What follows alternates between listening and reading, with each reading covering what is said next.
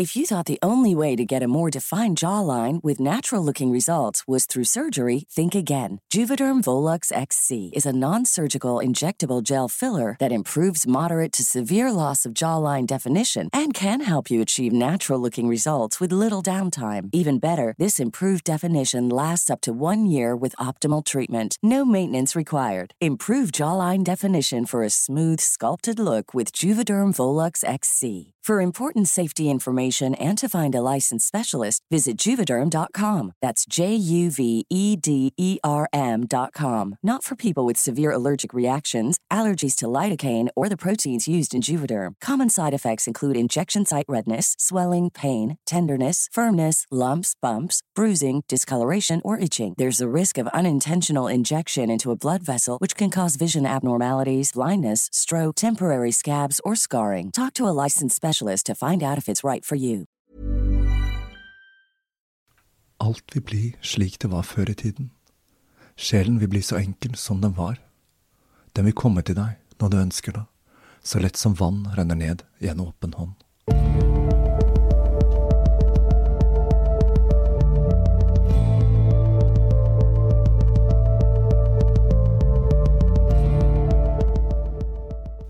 Hei og velkommen til Tåkeprat.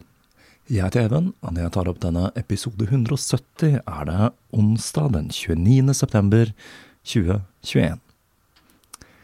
Da var vi i gang igjen, og nå er det bare å spenne seg fast, for dette blir litt av en episode.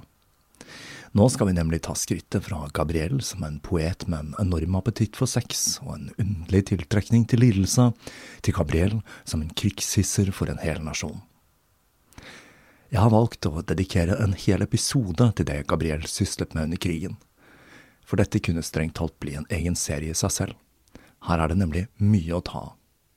Bare krigen langs den italienske fronten og fenomener som tidlig luftkamp, de første ubåtslagene og ikke minst introduksjonen av gass i krig er alle temaer som hadde vært verdig egne episoder. Som i forrige del så må vi gjøre noen elegante hopp i tid men jeg håper og tror jeg har klart å sette sammen et forståelig referat av Gabriels utskeielser under den store krigen. Det var iallfall et ganske heseblesende arbeid å sette sammen denne delen, og jeg tar opp den om morgenen før jeg drar på jobb, og håper å få redigert og sluppet den når jeg kommer hjem igjen. Slik er nå engang livet til en podcaster. Og da tror jeg vi bare hopper rett i det, og gyver løs på historien om hvordan vår lille italienske venn skulle sette et blodig preg på den største konflikten verden hadde vært vitne til.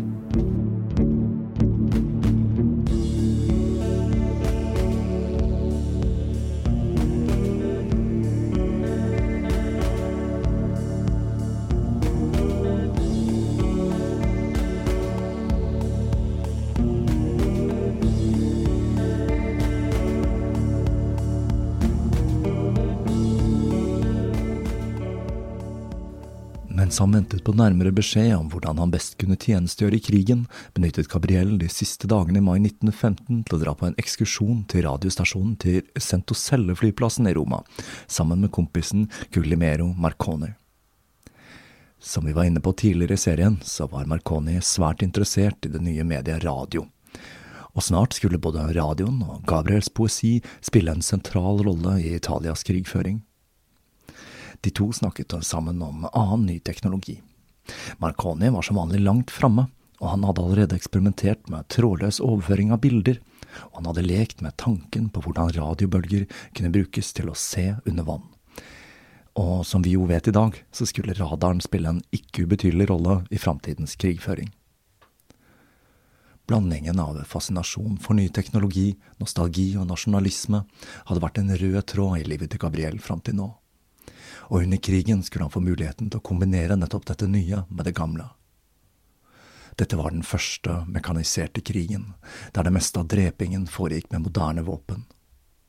Men som vi skal se, så var den italienske fronten ekstremt brutal, og selv om man hadde moderne våpen, gikk man ikke av veien for å ta livet av fienden ved å rulle kampestein ned mot fiendens linjer eller klubbe dem i hjel med improviserte slagvåpen.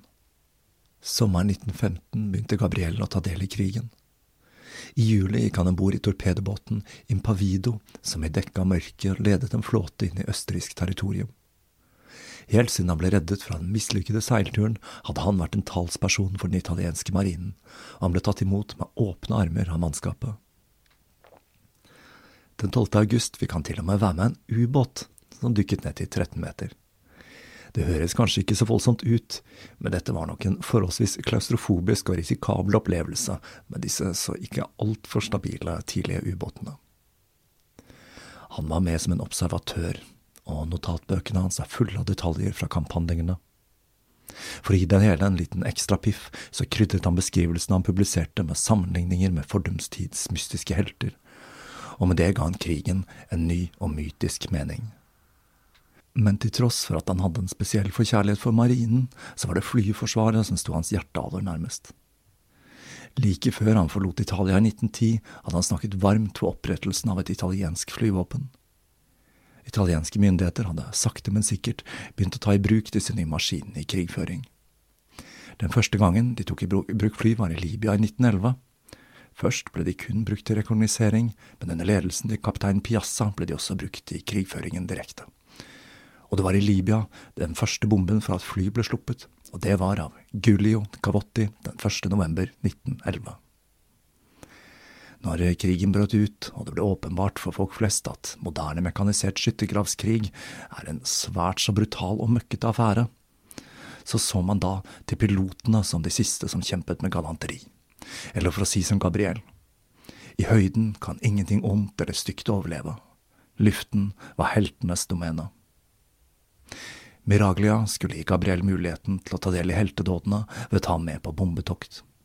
Og den 7. august 1915 fløy de over Trieste, og den 25. over Grado, hvor de kastet ut en bukett blomster der en italiensk ubåt hadde gått ned. Som et lite apropos til ustabile ubåter i samtiden. Den 28. august fløy de igjen over Trieste, og det ble flere flyturer i månedene som fulgte. Disse turene var langt fra uten risiko. Skvadronen Gabriel var med, ble beskutt med antiluftskyts, mens Gabriel febrilsk skrev om opplevelsen av det hele, mens bombene rullet rundt på gulvet ved føttene hans. Det at han risikerte livet, fikk han til å føle seg levende. Om en gang flyet han satt i ble truffet og det stupte 1800 meter før piloten fikk kontroll over det, skrev han at han vinket til skytteren som hadde truffet dem, og at han følte en intens trang til å synge i ekstase. Han var med andre ord i sitt ess. Gabriel var klar over hvor viktig det var med propaganda. Og ikke bare propaganda for å fremme krigen, men også for å mele sin egen kake. Han brukte enhver anledning til å fremme salg av egne bøker, så vel som å oppfordre til krigsinnsats. Han var også klar over at små symbolske handlinger kunne ha en vel så stor effekt som en større militær seier, noe han skulle vise igjen og igjen. Det var grunnen til at han dro på raid der flyet ikke slapp ut bomber, men dikt. For eksempel så gjorde han dette på en av flyturene over Trieste. Og det at de klarte å slippe ut dikt over byen, demonstrerte at de også hadde muligheten til å bombe den om de ønsket det. Og nettopp det å slippe ut flygeblader, eller flaskepost, preget med den italienske trikoloren, skulle være en av tingene som gjorde Gabriel til en folkehelt under krigen. Italias hovedfiende var arvefienden Østerrike-Ungarn, som hadde kontrollert store deler av Italia og landet skulle ikke erklære krig mot Tyskland før så sent som i august 1916. Mange av soldatene italienerne kjempet mot, var slovaker, kroater, serbere og bosniere, som etter krigen skulle være med på å danne den nye staten Jugoslavia. Fronten strakk seg over 600 km fra Sveits og ned til Adriaterkysten ved Trieste. Krigen innenlands var særs brutal. Slagene ble utkjempet sør for Alpene, i en fjellregion der toppene var snødekt stort sett året rundt. Den italienske hæren var dårlig utstyrt, slik at mange mistet føttene allerede før de fikk anledning til å ta del i kampanleggene. Den største slagmarken var Karstplatået, som er et fjellplatå som strekker seg fra Trieste mot Slovenia og nord mot Alpene. Dette er et område som består av limstein, og overflaten er svært erodert og full av skarpe stein, hull og hulrom. Vannet som regner ned, blir drenert vekk i underjordiske elver, slik at det ikke er tilgang på rent vann på platået men etter regnskyll og flom blir det et hullete landskap fylt med tjukk søle. Sommer som vinter var det et helvete å kjempe der. På sommeren stekte solen og gjorde det vannløse landskapet til en dødsfelle av tørst og hete, og om vinteren ble platået forvandlet til en labyrint av snø og gjørme. Vinden som blåser over Karst er så brutal at den til og med har sitt eget navn, Boravinden. Det er kanskje ikke et gunstig sted for en piknik, men for skyttergravskrig så var dette helvete på jord. Det var umulig å grave skikkelige skyttergraver, så soldatene så seg nødt til å hakke groper rett ned i steinen, eller til å sette opp improviserte steingjerder. For italienerne var det ekstra ille, for de angrep stort sett bare i motbakke, i fjellsider som var så bratte at de kun var egnet for fjellklatrere med skikkelig utstyr. Og dette var en krig som som sagt blandet det nye med det gamle. Spikerklubber, brannbomber og andre improviserte våpen ble brukt side om side med ny teknologi som giftgass og granater. Scenarioet der det hele utspilte seg, var altså ganske så grusomt, og det hele ble gjort enda verre av inkompetanse. Den øverste italienske lederen, general Cadorna, valgte rett og slett å bare overse at østerrikerne hadde en enorm fordel ved at de hadde inntatt strategiske posisjoner på fjelltopper, og han beordret angrep etter angrep som oppnådde svært lite, men kostet den italienske hæren enorme tap. For å holde moralen oppe ble det innført kadaverdisiplin. Soldater ble eksempel bundet fast utendørs i kulda for den minste overtredelse. Til å begynne med hadde offiserene vært, vært ved fronten, kun bevæpnet med sverd, hvor de ledet troppene sine inn i en sikre død. Men i begynnelsen av 1916 fikk de beskjed om å trekke seg tilbake til bak frontlinjene, og de fikk utdelt revolvere slik at de kunne skyte desertører som forsøkte å snike seg unna. En østerriksk observatør sa at det hele så ut som et forsøk på å begå masse selvmord.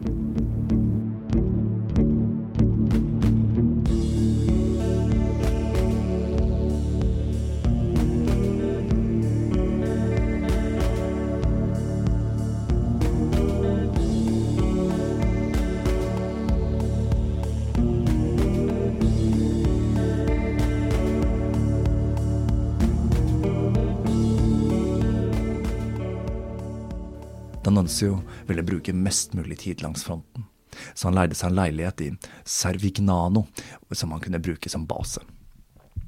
Utleieren var en ornitolog, og leiligheten var full av utstoppede sjøfugler, noe som irriterte Gabriel, som kjøpte seg 18 skjermbrett han arrangerte på en slik måte at han slapp å se på dem.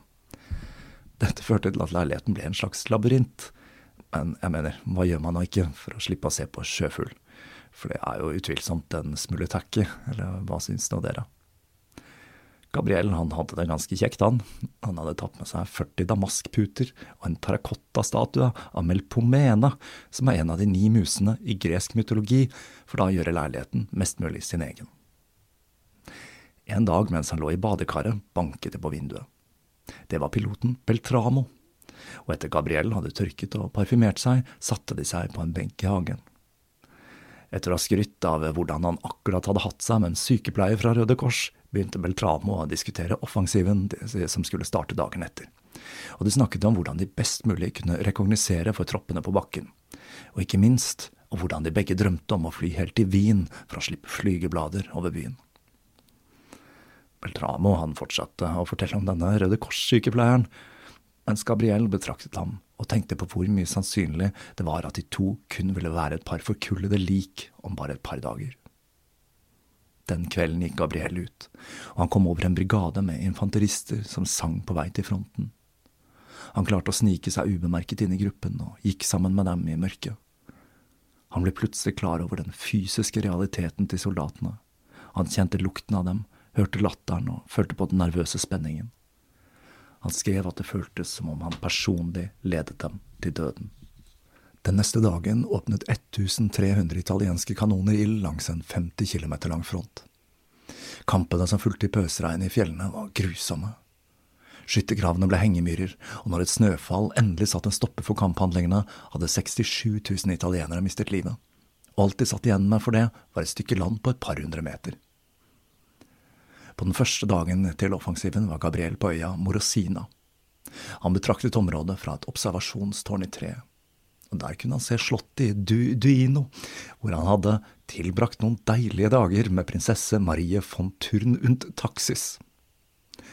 Det var morgengry, og han skulle snart glemme denne prinsessen når ordre om å angripe ble skreket fra megafoner langs fronten og helvete brøt løs. Artilleriet begynte å åpne ild, og Gabriel skrev at litt etter litt ble selve luften til metall. Gabriel ble på øya hele dagen, men soldatene rundt ham ble såret eller drept. Han var selv nære ved å stryke med flere ganger, som for eksempel når et prosjektil landet på stedet han hadde stått, bare noen sekunder etter at han hadde flyttet seg derfra. Bakken ble gjennomtrukket av blod, og han hjalp de sårede til saniteten. En som gjorde spesielt inntrykk på ham, var en såret soldat som var naken bortsett fra en skjorte. Gabriel skrev at det nakne kjønnsorganet virket så sårbart at det beveget ham til å sette seg ned ved siden av mannen som vred seg i ubeskrivelige smerter. En offiser som var sønderrevet av granatfragmenter, klagde ut sin arme råd til Gabriel. Han hadde mistet hørselen og var hysterisk fordi han ikke lenger kunne høre de italienske batteriene fyre av. Den kvelden kjørte Gabriel tilbake til Saurignano med blod under neglene. De grusomme scenene hadde ikke virket avskrekkende på ham. Han skrev at hodet hans var fylt av den usammenlignbare musikken til guddommelig krig. I løpet av de neste ukene brukte han så mye tid han kunne langs fronten. Han så fjell med så mye artilleri at det så ut som vulkanutbrudd når kanonene fyrte av. Han sto i kirketårn der kulene suste rundt ørene hans, mens han gjennom kikkerten så italienske soldater som stormet mot fiendens linjer med bajonettene sine, og så ble meid ned av maskingeværild. Han skrev at det hele minnet han om en gigantisk symaskin. Tre ganger skulle han og Beltramo fly over slaget, og han forteller hvordan han så ned og så hjelpeløse soldater bli slengt opp i luften av fiendens bombardement. Han talte til troppene hver dag for å holde motet til soldatene oppe. Han hyllet soldatene som hadde overlevd dagen, og som var nødt til å kjempe igjen neste dag. Han snakket om bannere som blafret i vinden, om elver fylt av lik og jordens umettelige tørst for blod. Han skrøt av soldatene på et språk mange av dem ikke forsto, men de forsto betydningen av det som ble sagt. Selv Dante hadde ikke kunnet forestille seg det helvete de måtte, helvete de måtte gjennom. Karst var et inferno, der de måtte spise gift, ete flammer og gråte svart blod. Gabriel insisterte på at de levende skyldte de døde å gi sitt ytterste i krigen. De døde ropte fra under jorden, sa han, videre, videre, og han fortalte at de aldri ville finne fred før Italia var blitt fritt. I notatbøkene hans er det en stor kontrast mellom de lyriske beskrivelsene av fuglesang og høstløv til den vanvittige stanken som preget slagmarken. For dette var enda en dimensjon av grusomhet. Lik ble liggende og råtne i ingenmannsland, og det var svært vanskelig å bygge latriner, noe som førte til at soldatene gjorde fra seg der hvor de følte seg rimelig trygge på ikke å bli skutt i prosessen, og det førte igjen til at fjellsidene var dekket med ekskrement. Lukten var så ille at Gabriel begynte å røyke sigaretter i et forsøk på å maskere lukten av lik og ekskrement. Dette var ting Gabriel unnlot å skrive om i offentlighet. Istedenfor beskriver han hvordan lyset fra den synkende solen lyste opp en posisjon ved fronten så patronene skinte i trekassene sine, og knust glass så ut som smaragder. I 1921, etter krigen var over, skulle Gabriel fortelle hva han egentlig beskrev den dagen. Det var det italienske artilleriet som hadde feilberegnet, og de hadde begynt å bombardere sine egne soldater. Løytnanten til kompaniet så redselsslagen på hvordan soldatene hans ble slaktet, og i et hysterisk anfall kollapset han blant sine falne kamerater. Riktignok så var det blant knust glass som så ut som smaragder. Gabriellen var i like stor fare som soldatene når dette skjedde, men han ble like fullt stående og notere. Han delte ikke det som egentlig var skjedd før etter krigen, i frykt for at dette skulle gå utover moralen og kampviljen til det italienske folket. Men selv for Gabriel, som hadde et ganske nonsjalant forhold til massedød, så var denne nedslaktingen av egne tropper sjokkerende.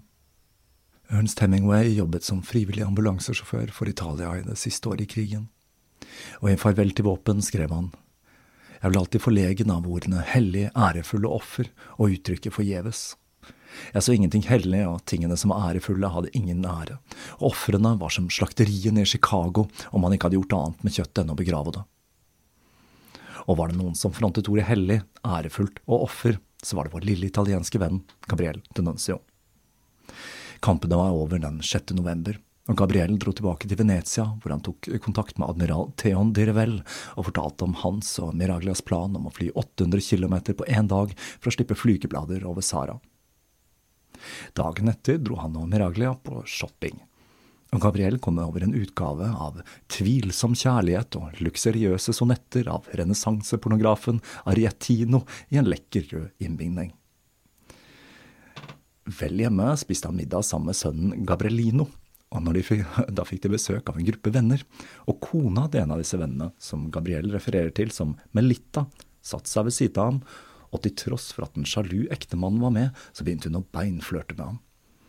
Etter middagen grep hun anledningen til å begynne å åle seg mot ham, og sa at hun kom tilbake neste dag når mannen var på vakttjeneste. Gabriel skrev at jeg frykter at jeg er i ferd med å begynne på et nytt og farlig eventyr. For nå som han var kjendis, var det nemlig Gabriel som ble jaktet på, av kvinner som ville ha en natt med Italias nasjonalpoet. Den 21. desember 1915 døde Giuseppe Miriaglia i en ulykke. Noen dager tidligere hadde Gabriel tatt med seg flygebladene de to hadde tenkt å slippe over Sara, og de hadde håpet at de kunne ta morgenen etter. Men været hadde ikke vært optimalt, så de hadde måttet utsette turen noen dager. Miraglia, mannen som delte Gabriels eventyrsans og stormannsgalskap, hadde dødd under en testflygning når flyet hans hadde styrtet i havet. Gabriel holdt vake over liket til vennen i tre døgn, og påkjenningen slet han ut emosjonelt så vel som fysisk. Han sørget, men han mente også at det å dø som ung var en vakker skjebne. Han beskrev det intime ved å berøre Miraglias døde, kalde bein, hvordan han la blomster ved siden av dem, hvordan tennene hans hakket når han løftet liket opp i kisten, og følelsen av tap når blykisten ble forseglet. Han beskrev også det groteske ved døden, hvordan blodet ble moppet opp, og hvordan liket begynte å ese og lukte på den tredje dagen. Gabriel ville fremdeles gjennomføre turen til Sara, men eh, da han hadde spurt en annen pilot, fikk han bare beskjed om at det var umulig å fly så langt med et ettmotorsfly. Og han skrev at Miraglia død, fryktet han at han aldri ville møte en som var like begeistret for risiko som han selv. Like etter Miraglias død eskorterte han datteren Renata hjem en tåkete natt. Når han gikk hjemover alene, gikk han forbi leiligheten til Miraglia på vei til Casetta Rossa. Da la han merke til at det hørtes ut som om noen gikk ved siden av ham med svake skritt, som om personen gikk barfot. Gabriel trodde ikke noe spesielt på gjengangere, men han var redd for å se på personen i frykt for at det skulle være Miraglia som hadde besøkt ham fra den andre siden. Han stoppet opp, og personen som var helt grå, fortsatte å gå fremover. Holdningen, fysikken og gangen feide all tvil til side. Det var Miraglia. Hjertet til Gabriel gjorde et hopp, mens tåken la seg som et teppe rundt den grå skikkelsen framfor han. Han fortet seg for å ikke miste ham av syne, men så forsvant skikkelsen uten et spor, og Gabriel sto alene igjen i tåken, før ropene til en gruppe fulle menn brøt fortryllelsen.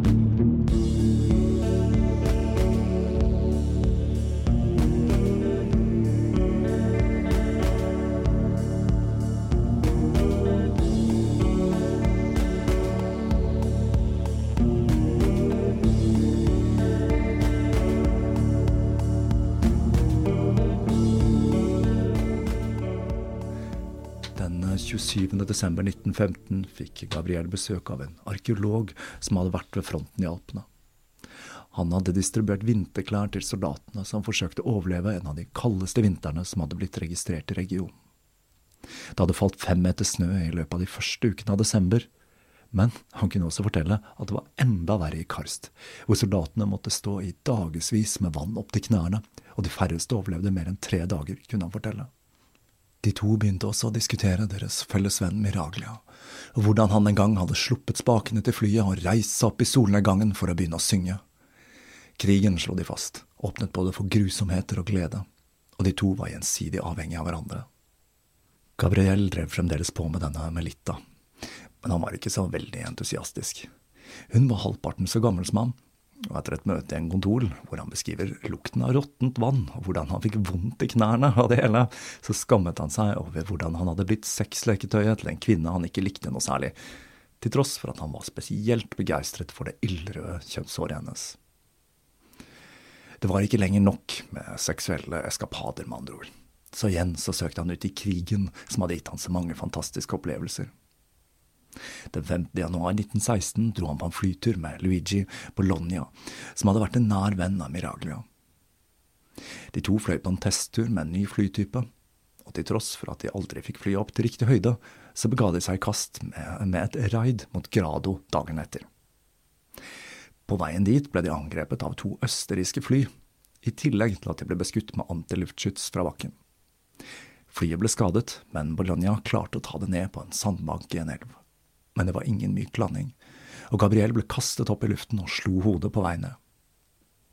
I det krasjet fikk Gabriel en livsforandrende skade, men til tross for at han umiddelbart mistet en del av synet, så fortalte han ikke dette til noen.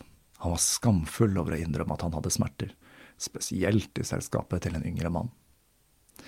De klarte å komme seg tilbake til basen, og fullførte faktisk det planlagte toktet. Og neste dag så var han i luften igjen. Og etter det så dro han til Milano, hvor han holdt en tale for 2000 mennesker i operaen.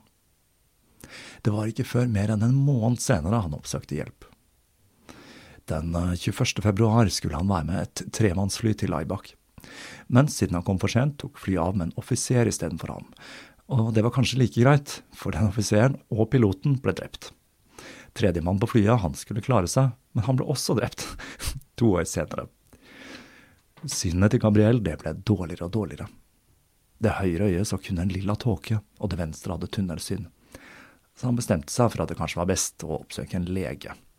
Og da ble han umiddelbart fraktet til spesialavdelingen for soldater med synsskader. Der ble han tatt imot som en helt, og han følte seg lykkelig for å være en av de skadede der.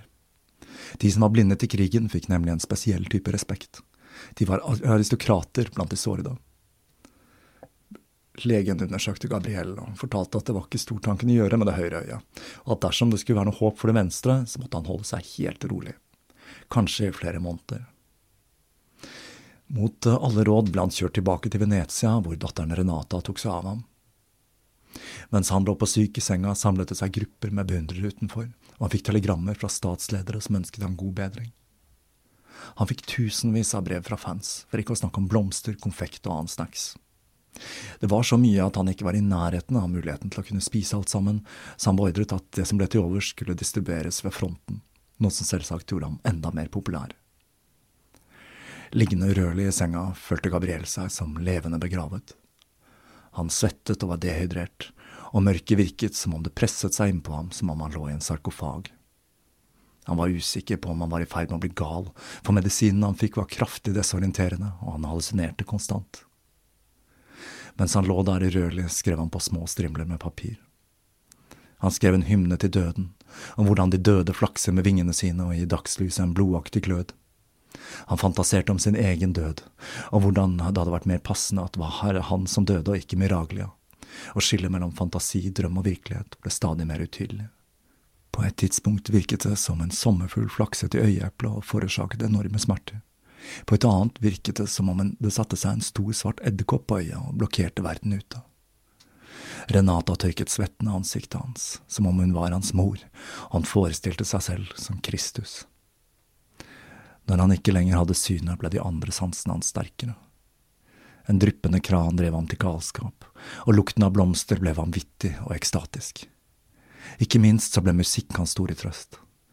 Gabriel fikk nemlig låne en kvartett med musikere som hadde blitt kalt inn til tjeneste. På dagtid brukte de tiden til å operere artilleriet, og på kveldstid spilte de for den sårede helten som lå alene i mørket, mens musikerne fremførte favoritter av blant annet Beethoven, som Gabriel beskrev som flamsk da han følte at det ble feil å hylle en tysk komponist.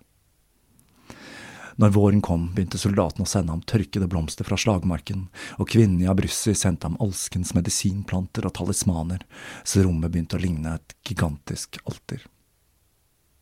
Den 2. april fikk han besøk av to unge piloter som fortalte om en ny prototype de skulle teste, og som de mente muliggjorde det å fly lenger enn hva som var mulig fram til da.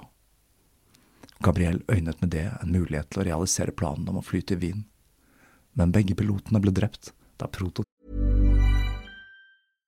How would you like to look five years younger? In a clinical study, people that had volume added with Juvederm Voluma XC in the cheeks perceived themselves as looking five years younger at six months after treatment. Look younger, feel like you. Add volume for lift and contour in the cheeks with Juvederm Voluma XC. Reverse signs of aging by adding volume to smooth laugh lines with Juvederm Volure XC. For important safety information and to find a licensed specialist, visit juvederm.com. That's J U V E D E R M.com. Not for people with severe allergic reactions, allergies to lidocaine, or the proteins used in Juvederm. Common side effects include injection site redness, swelling, pain, tenderness, firmness, lumps, bumps, bruising, discoloration, or itching. There's a risk of unintentional injection into a blood vessel, which can cause vision abnormalities, blindness, stroke, temporary scabs, or scarring. Talk to a licensed specialist to find out if it's right for you.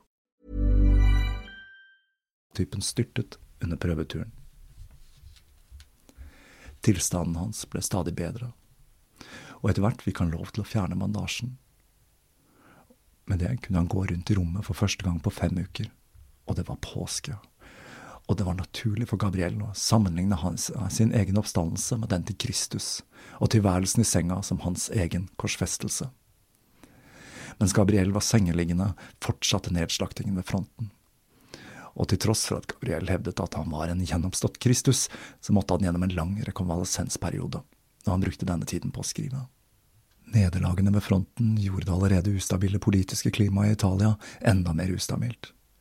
General Cadorna, han som hadde sendt tusenvis av unge soldater rett inn i den sikre død, ble forsøkt avsatt av statsminister Salandra. Men med støtte fra kongen klarte han å klamre seg til makten, og folk begynte å omtale hovedkvarteret til generalen som den andre regjeringen.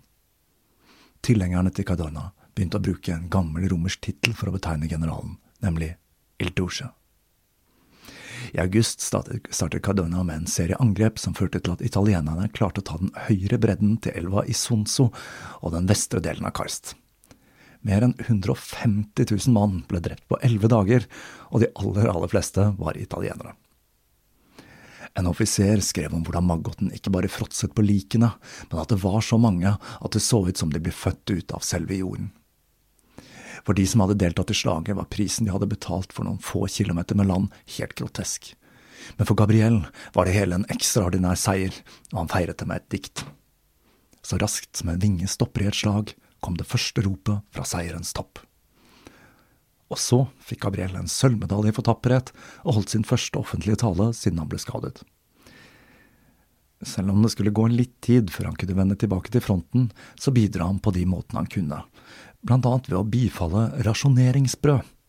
Det hadde nemlig vært svært vanskelig å få tak i vanlig brød, så folk ble oppfordret til å spise den drøyde varianten myndighetene hadde introdusert. Og Gabriel, han erklærte brødet som det nasjonale nattverdsbrødet som transmuterer en hel nasjon.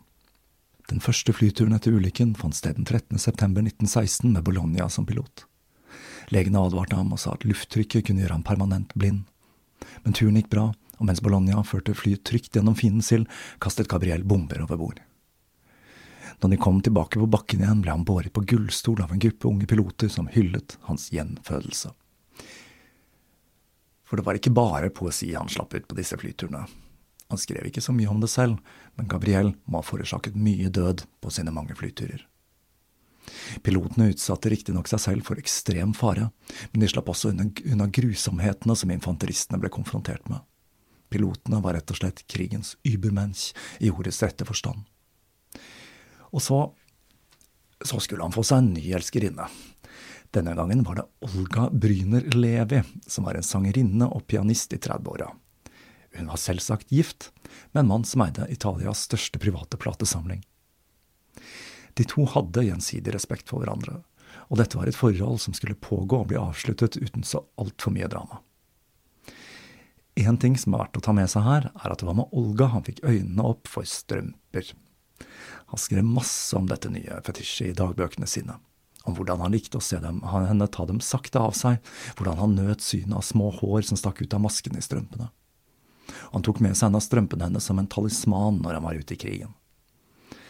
Ellers så er det forholdet fullt av de vanlige beskrivelsene om hvordan han luktet på og slikket på alle kriker og kroker av kroppen hennes.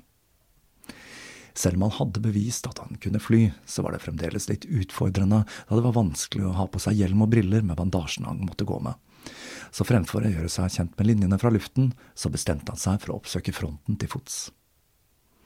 I oktober og november 1916 besøkte han slagmarkene igjen og igjen. Han sto opp før daggry og før kampene begynte, og tok seg over likene i skyttergravene hvor han hørte lyden av sårede som skrek ut etter sine mødre mens han inhalerte lukten av død. Han var til stede under slagene ved Veliki og Faiti, og med kun ett øye hadde han problemer med å beregne avstand og med å holde balansen, han sleit med å holde seg oppreist i skyttergraver og tunneler. Synet han hadde på det ene øyet, var langt fra perfekt, og på dagtid så han alt omkranset av et sykelig gult lys. Men om kvelden så han alt omgitt av et lys som minnet han om glorier. Gabriel var konstant i livsfare, under kummerlige forhold han normalt aldri ville ha befunnet seg i.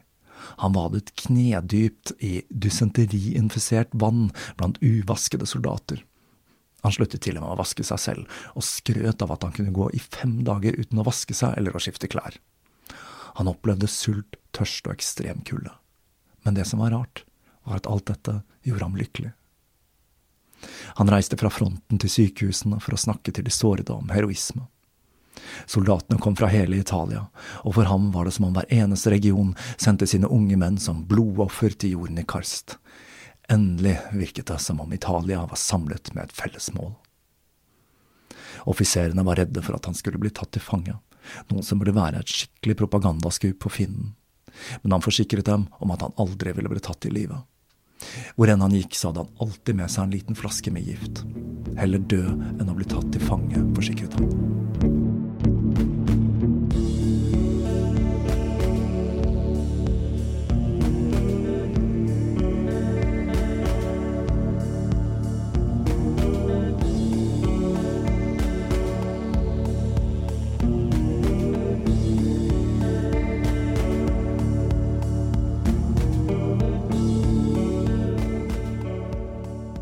Slutten av 1916 fikk han sin andre sølvmedalje. Og han ba om å få oversatt utmerkelsen til andre språk, slik at nasjoner som hadde lyst til å hedre ham, kunne gjøre det samme. Dette skyldtes ikke bare ego, men også at det fulgte stipender med enkelte av disse utmerkelsene. I mai 1917 begynte han å fly for fullt igjen.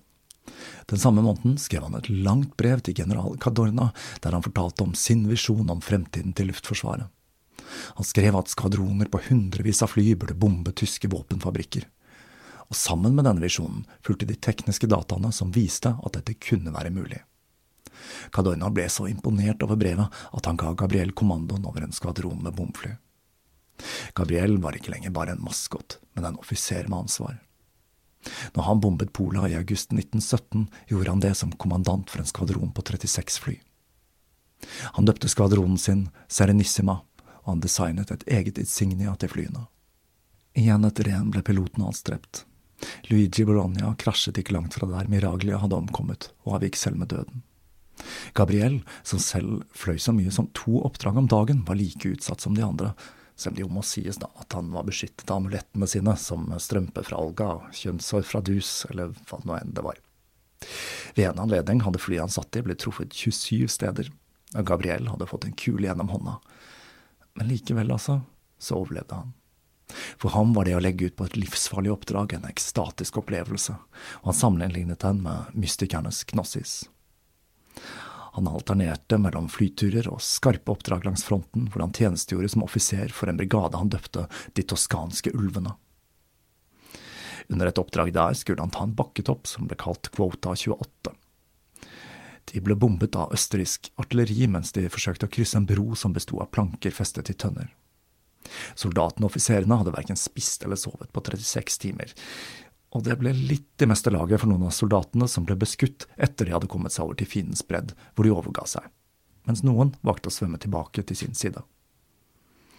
Cadorna regnet alle soldater som ble tatt til fange som desertører, og de italienske troppene begynte å bombardere soldatene på den andre bredden slik at både østerrikere og italienere døde som fluer.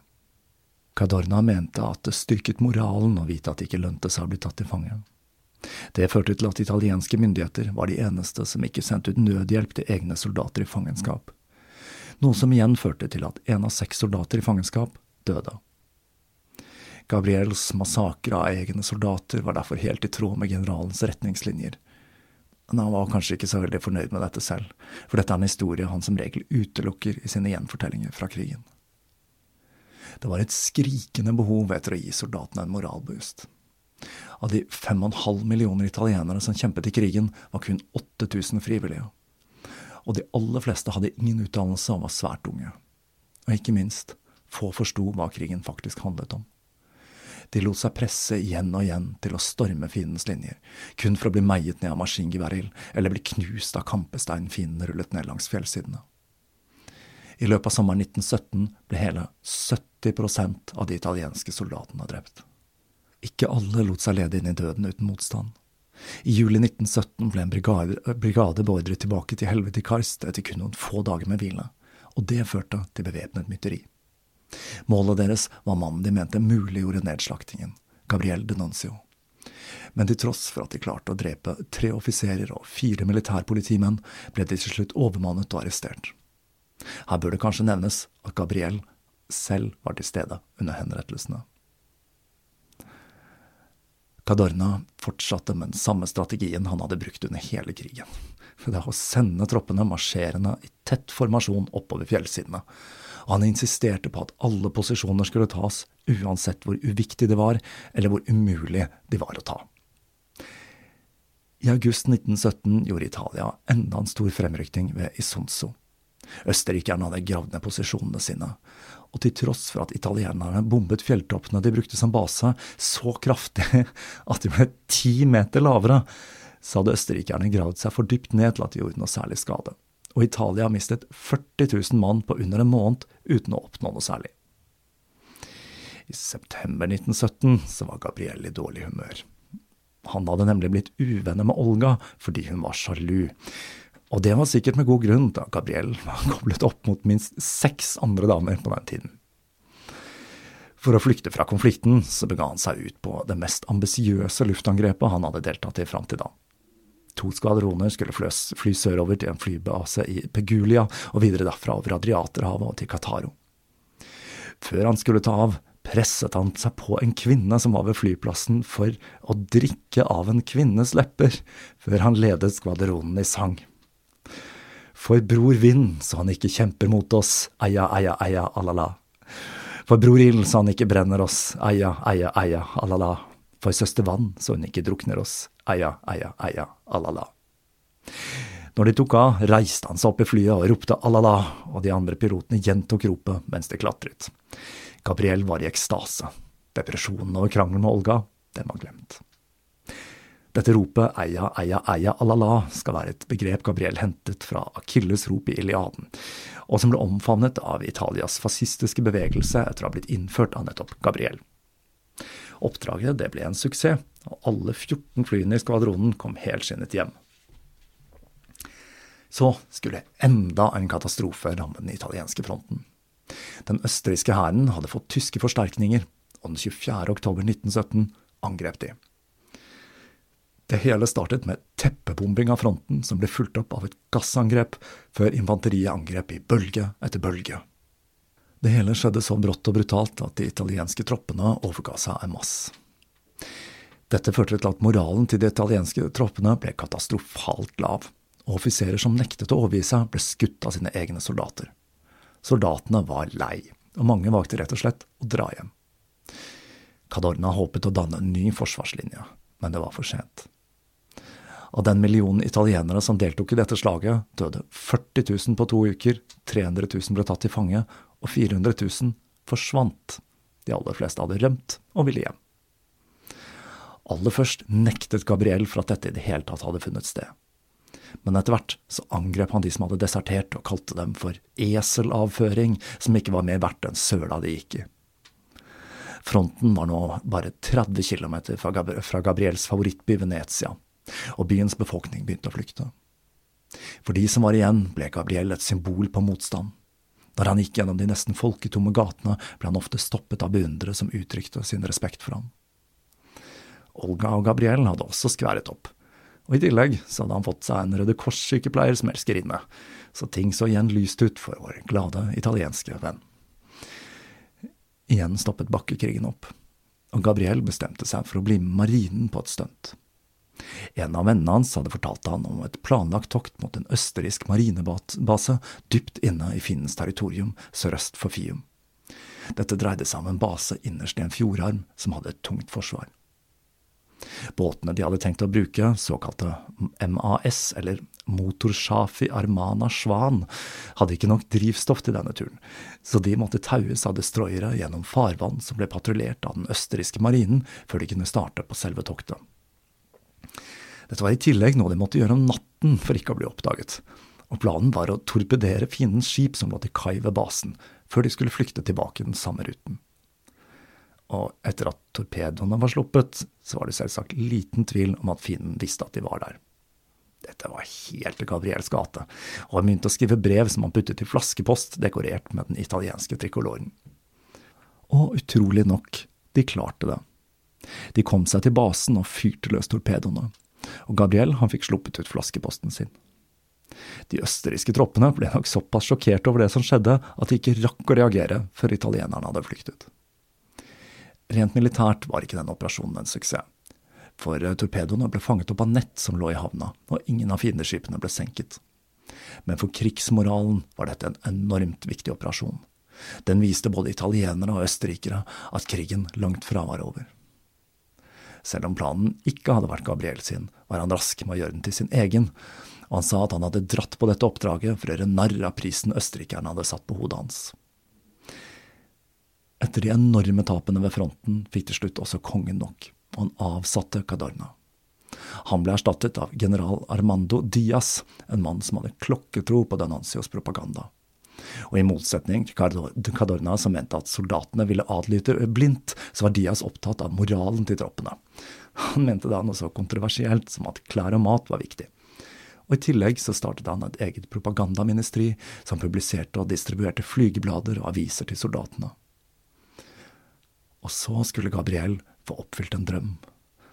Sommeren 1918 forhørte han seg om muligheten til å styrke flykroppen og øke drivstoffkapasiteten, slik at det ville være mulig å fly over Alpene og til Wien.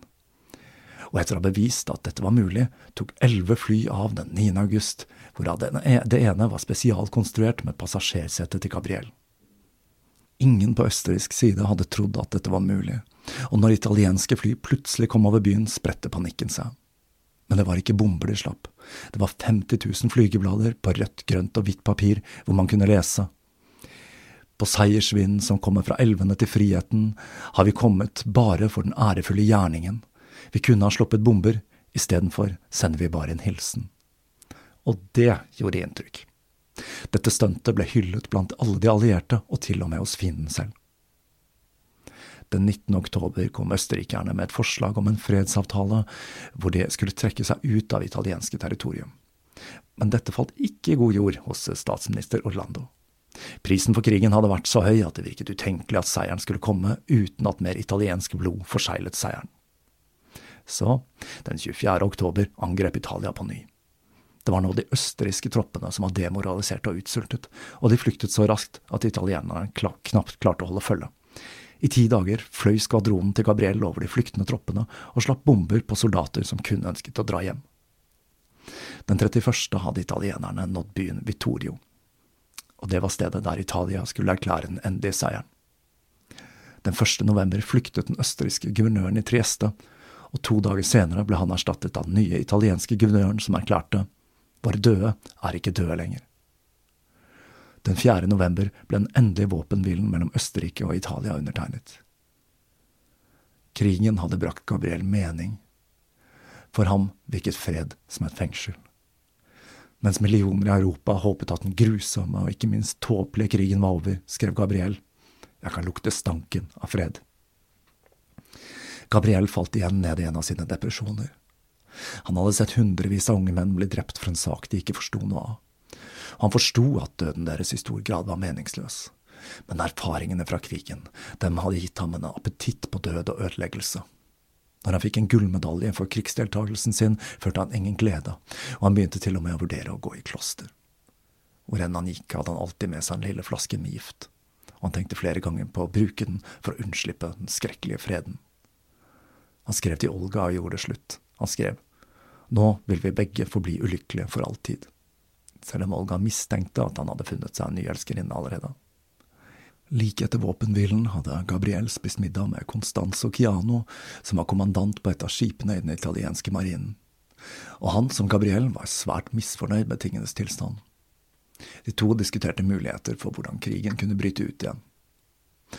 Og grunnen til at jeg nevner denne middagen spesielt, og diskusjonen, er at Chianos sønn skulle senere gifte seg med Mussolinis datter. Mussolini var langt fra å ha noen stor politisk betydning i 1918, Men som vi jo vet nå, så fikk han jo en forholdsvis viktig rolle etter hvert.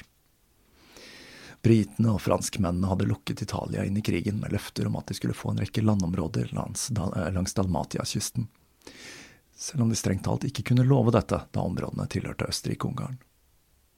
Etter krigen ble europakartet tegnet om, men lite av dette kom Italia til gode, og stemningen i landet var bitter.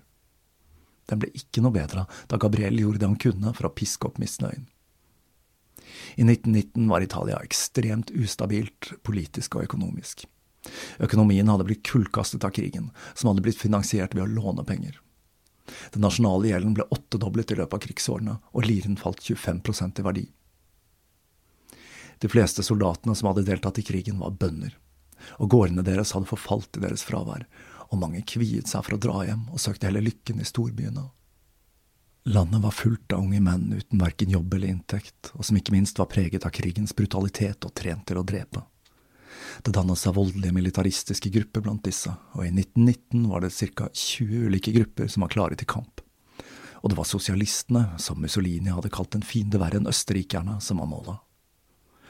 Dagen fredsavtalen hadde blitt inngått, hadde Mussolini talt til de feirende folkemengdene fra en armert bil bemannet av Arditti, som var elitestyrkene til den italienske hæren.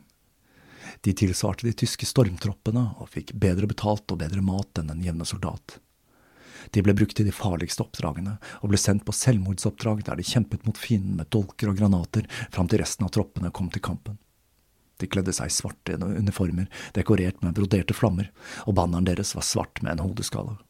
De hadde også en egen hårsveis, hvor de lot luggen gro seg lang, slik at noen hadde en lugg så lang som en hestehale.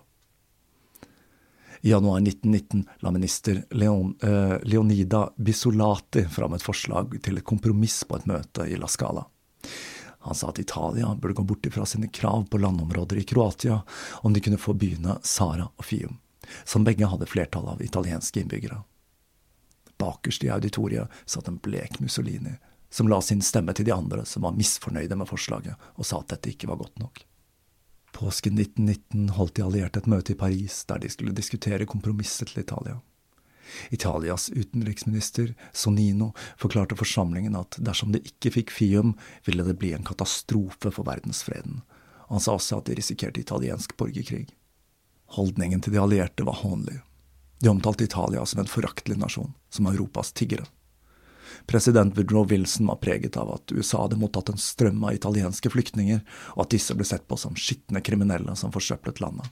Så kompromisset ble bryskt avslått. Gabriel på sin side tok imot beskjeden om avslaget med glede. Han skrev Italia er ikke redd for å stå imot alle og allting. Så i dag sier jeg at det bare er Italia som er stort, og det er bare Italia som er rent. Og det var flere i hæren som støttet dette sentimentet. Gabriel var igjen på krigsstien, og han begynte å holde en rekke taler der han talte for at Italia skulle ta tilbake med makt det som hadde blitt nektet dem i krigsoppgjøret. Talene hans ble stadig mer religiøse, og han hevdet å ha visjoner. Han kunne fortelle menneskemengden at han hadde sett 80 000 døde soldater fly over Roma, bærende på fjellet der de hadde blitt drept. Han spurte, kan ikke dere også se det? Han sa at det var Kristus selv som ba italienerne reise seg og ikke frykte. Gabriel besøkte kongen, som betrodde ham at han syntes det var synd at grunnloven begrenset makten hans, noe Gabriel tok som et tegn på at kongen ville ha utnevnt han til president om han hadde hatt muligheten. Det var altså i Fium skoen virkelig trykket og det som skjedde der, ble klimakset i denne serien. Dette var en by nord i Adriaterhavet, som hadde vært en av de viktigste havnebyene til det østerriksk-ungarske imperiet, og som i 200 år hadde vært den viktigste sjøveien for Budapest. Fiums industri sto for halvparten av produksjonen i Kroatia på midten av 1800-tallet. Og i 1914 hadde den et oljeraffineri, torpedofabrikker, smelteverk, pastafabrikker og mye, mye mer. Men det aller viktigste var nok verftsindustrien i byen. Pga. veksten var Fium et svært viktig strategisk militært mål. I løpet av de siste 20 årene hadde befolkningen doblet seg, og trafikken gjennom byen var seksdoblet. Brorparten av befolkningen var altså italienere, og de var ikke så kjempefornøyde med å bli styrt av ungarere, noe som gjorde byen til en kruttønne. Når krigen tok slutt, ble Fium innlemmet i den nye jugoslaviske staten.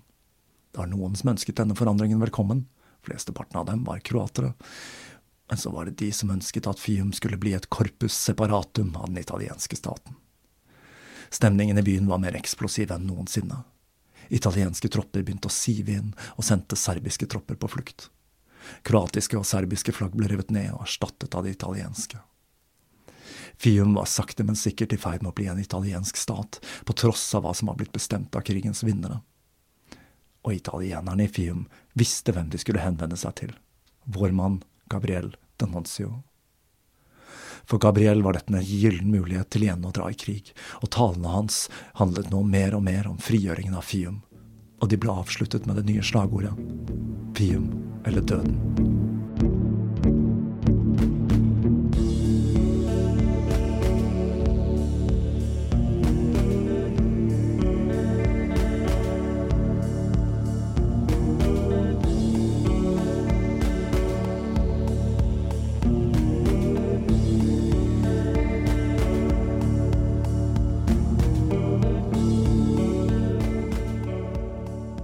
Kan si mye rart om Gabriel Denoncio, men han var i hvert fall ingen feiging.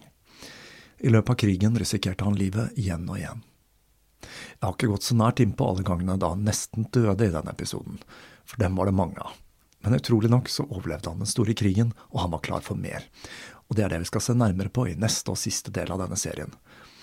Og det blir nok som denne delen en ganske så omfattende en. Noe jeg tenkte litt på i arbeidet med denne delen, er at jeg ikke har gått så nære inn på livene til barna til Gabriel. Han fikk iallfall fem barn, som vi vet om i det minste, og de dukker opp fra tid til annen i denne fortellingen.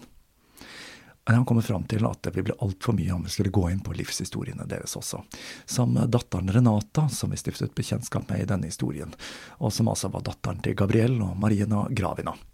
Hun giftet seg med Marco Montanarella og fødte to barn og døde i 1976. Men nok om Renata. Med det så tror jeg tiden er inne for å bi meg i kast med hva som jeg tror blir rosinen i pølsa i denne serien, og begynne arbeidet med perioden der Gabriel skulle bli diktator i sin egen stat. Fram til da så vil jeg som vanlig takke alle patrions, nye som gamle, alle som har handlet i nettbutikken, og alle dere som hører på. Jeg vil også på det sterkeste oppfordre til å gi podkasten en god rating der du hører på den, og ikke minst anbefale den til venner og kjente, eller gi den en anbefaling i sosiale medier. Tåkeprat er en uavhengig podkast, og den har ikke noe annet promoteringsnettverk enn nettopp deg som hører på. Så fram til neste episode er det vel på sin plass med et eia, eia, eia, alala.